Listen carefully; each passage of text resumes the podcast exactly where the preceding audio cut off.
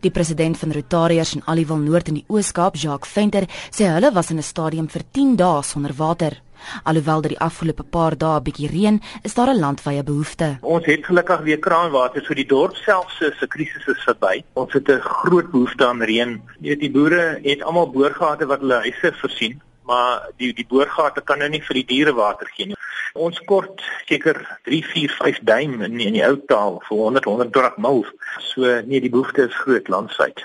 Hy sê Aliwal Noord het hulp vanuit alle oorde ontvang, maar die boere kry steeds swaar. Van klein kinders wat vir ons 'n 500 mil energiedrankie bottel gebring het met water om 'n bydrae te lewer tot vakansiegangers wat 20 5 liter bottels agter ingepak het in 'n karavaan en vir ons afgelaai. Ons het groot donasies gekry van 'n dairy en 'n koeldrank vervaardiger in Queenstown. Ons Londen het vir ons water gestuur. Ek het mense gehad wat in Centurion op vakansie was vir ons 300 liter water gebring.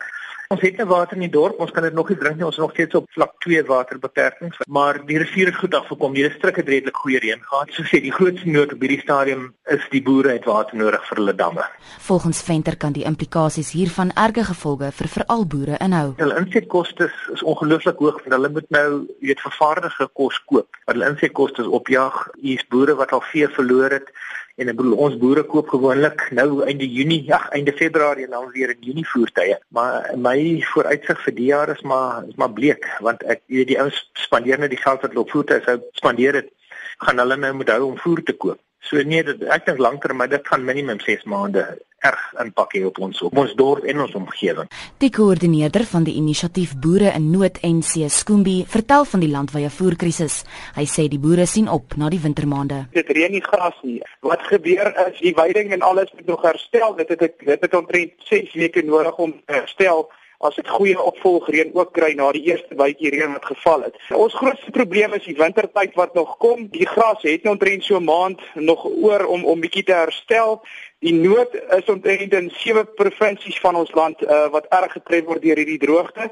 En ja, ons grootste bekommernis is maar heidaglik die wintertyd wat voorlê. Hy sê Suid-Afrikaners sal die gevolge van die voertekort sien wanneer voedselpryse aansienlik styg. Die voertekort gaan definitief 'n effek hê op die op die langtermyn voedselkettingpryse en op die verkope en en so aan van die van die vee wat teen teen baie goedkoper spot goedkoper pryse moet gaan. Pryse gaan opgaan. Dit neig maar na vraag en aanbod toe op die ou ende van die dag. Hoe groter die vraag, hoe groter maak hulle die aanbod gewoonlik. Hulle gaan nog sien, die pryse gaan nog redelik opgaan. Hulle dink dis nou grappies, weet die mense praat van honderdkos opgaan en al hierdie tipe van dingetjies, maar ons sal praat so hier teen die einde van die jaar. Wel ek is nie baie negatief oor die goeders nie, maar dis realiteite.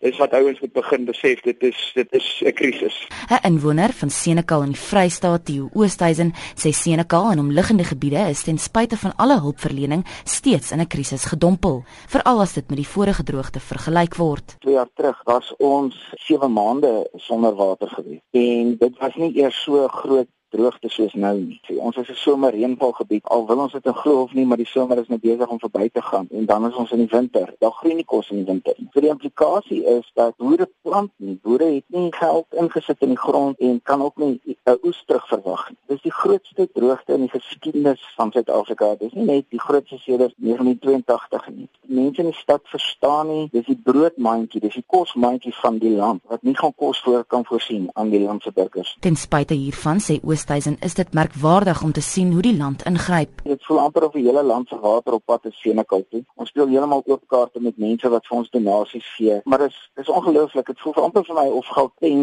op die oomblik die ouens is wat ons op die op die grootste manier bystaan. Ons is ongelooflik aangeraak in Senekal emosioneel eintlik oor oor hoe Gauteng hulle ontferm oor hierdie dorpie wat die meeste mense nog nooit by was eers nie. Hulpverlening is vir diegene noodsaaklik, maar Ryde Vries van Water Shortage South Africa Afrika sê die situasie op grondvlak is baie erger as wat meeste stedelinge besef. South Africa hasn't got a clue as to how bad this thing is. Ons het volstrys gesien wat uh, doodgaan, ons het uh, boere gesien wat hulle koeie en en ander diere uh, doodmaak omdat daar daar geen voeder is nie, daar's geen water nie. It just gets so deep into your heart when you see the actual reality of where we are. It is not a crisis, it is a catastrophe. Unfortunately, this is just the beginning. Hierdie winter gaan 'n baie baie baie erg winter wees. Ongelukkig sal daar altyd mense wees wat die in nood sal wil uitbuit.